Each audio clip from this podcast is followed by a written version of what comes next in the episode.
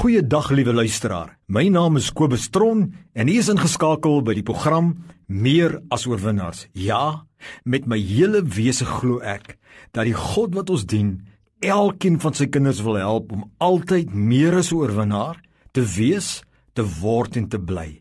En vandag het ek weer eens wat ek glo 'n Godgegewe inspirerende boodskap vir jou wat ek weet jy nou in hierdie tyd moet hoor. Luister aandagtig na hierdie een.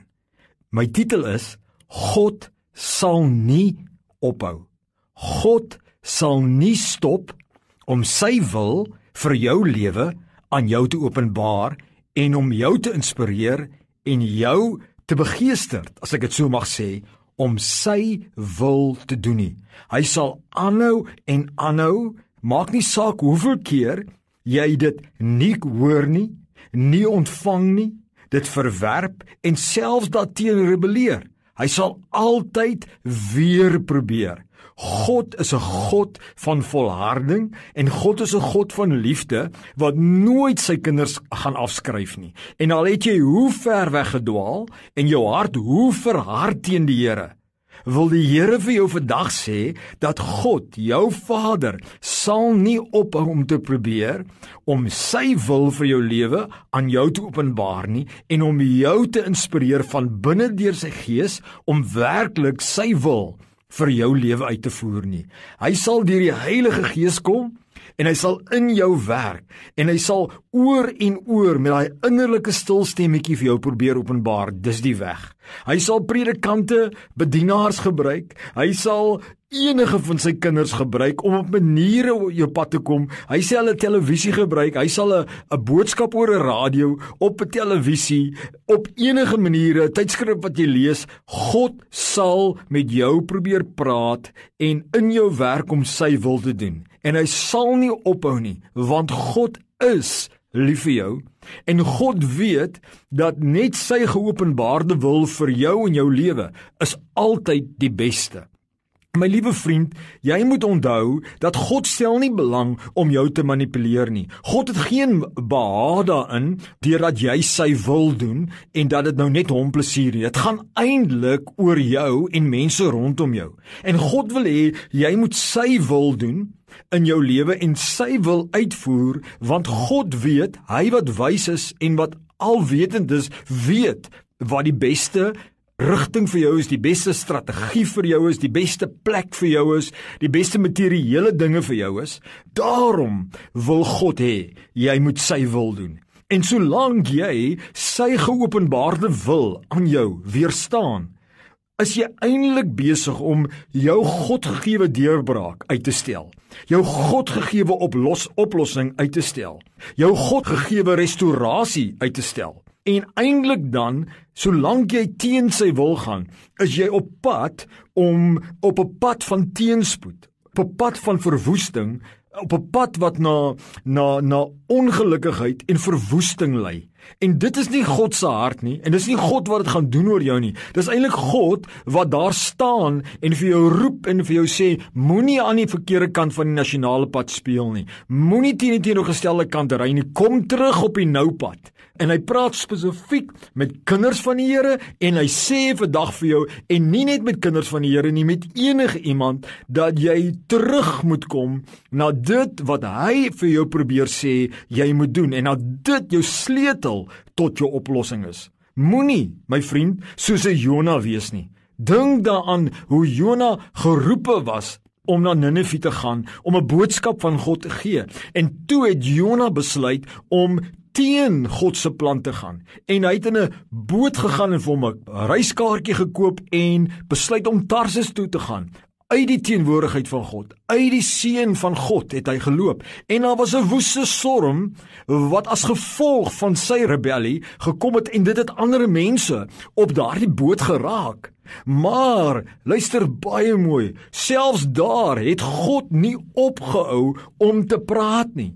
En Jonah het geweet in sy hart dat hierdie storm in sy lewe is as gevolg van hom wat uit die wil van God geloop het. Maar dan moet ons ook wees en aan die een kant klink dit nou dubbelsinnig want ek sê ons moet nie soos Jona wees nie. Aan die ander kant moet ons soos Jona wees. Toe Jona tot die besef gekom het, nê, dat dat dat die wil van God is nie Tarsus en hy weet dat hy weet dat hy rebelleer en hierdie storm as gevolg van hom is, het hy onmiddellik bekeer en vir hulle gesê: "Gooi my uit." En toe hy uitgooi en hy homself draai na God toe, toe kom daar goddelike voorsiening in die vorm van 'n walvis. En toe bedaar die storm omdat hy buite die wil van God was.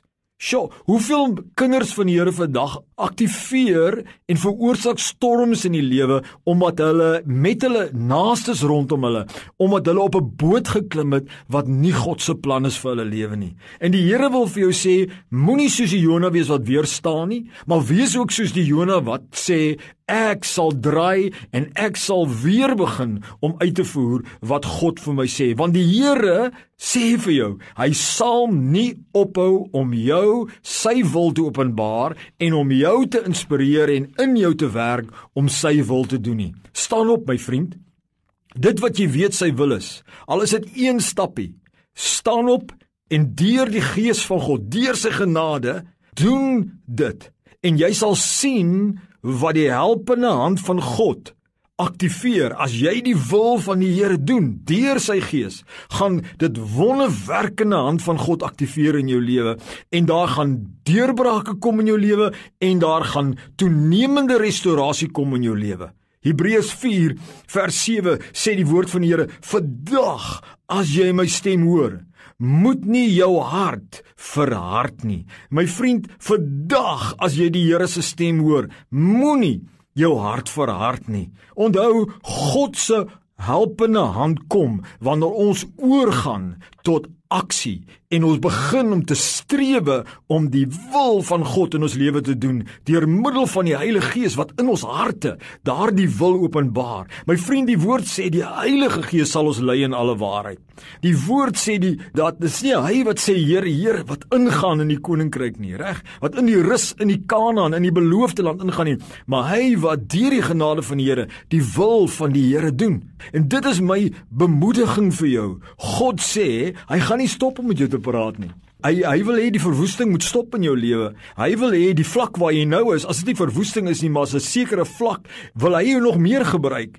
Maar jy moet die wil doen en hy hy gaan aanhou om sy wil aan jou te openbaar. Hy gaan aanhou om jou te inspireer met sy krag en sy dryf in in jou hart om sy wil te doen. Moenie jou hart verhard nie. Jy gaan net tweede kom want jy's besig met 'n ding dan wat nie die beste is nie, want net God se wil is die beste.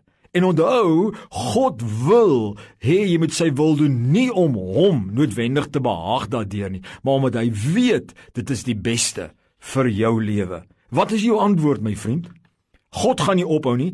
Gaan jy soos Jona wees met die tweede keer toe hy gedraai het en gesê het: "Goed, my God, ek sal na Ninive toe gaan. Goed, my Here, ek wil U wil doen. Ek wil nie soos die Israeliete van ouds nie Kanaan ingaan nie omdat ek nie my geloof oorsit in aksie en dit wat God in my hart gesê het om te doen, doen nie. Die Here roep jou. God sê ek gaan nie ophou nie want ek is lief vir jou. God sê maak 'n keuse. God sê jy kan die storm laat stop, maar jy moet draai van hy verkeerde en jy moet draai na die wil van God. Kom my liewe vriend, jy kan. God is in jou. God sal jou help. Jy sê Kobus, ek is nie eens 'n kind van die Here nie. Dan sê die Here vir jou ook, God gaan nie ophou praat nie. Gaan na iemand toe. Laat iemand saam met jou bid en nooi die Here in jou hart in. Gee jou lewe vir die Here en jy sal sien God gaan jou restoreer. God gaan jou help. God is meer as oorwinnaar. God sal jou help om meer as oorwinnaar te wees. God is so lief vir jou, God gaan nie ophou om dit te doen nie, want God wil die beste vir jou hê. Amen.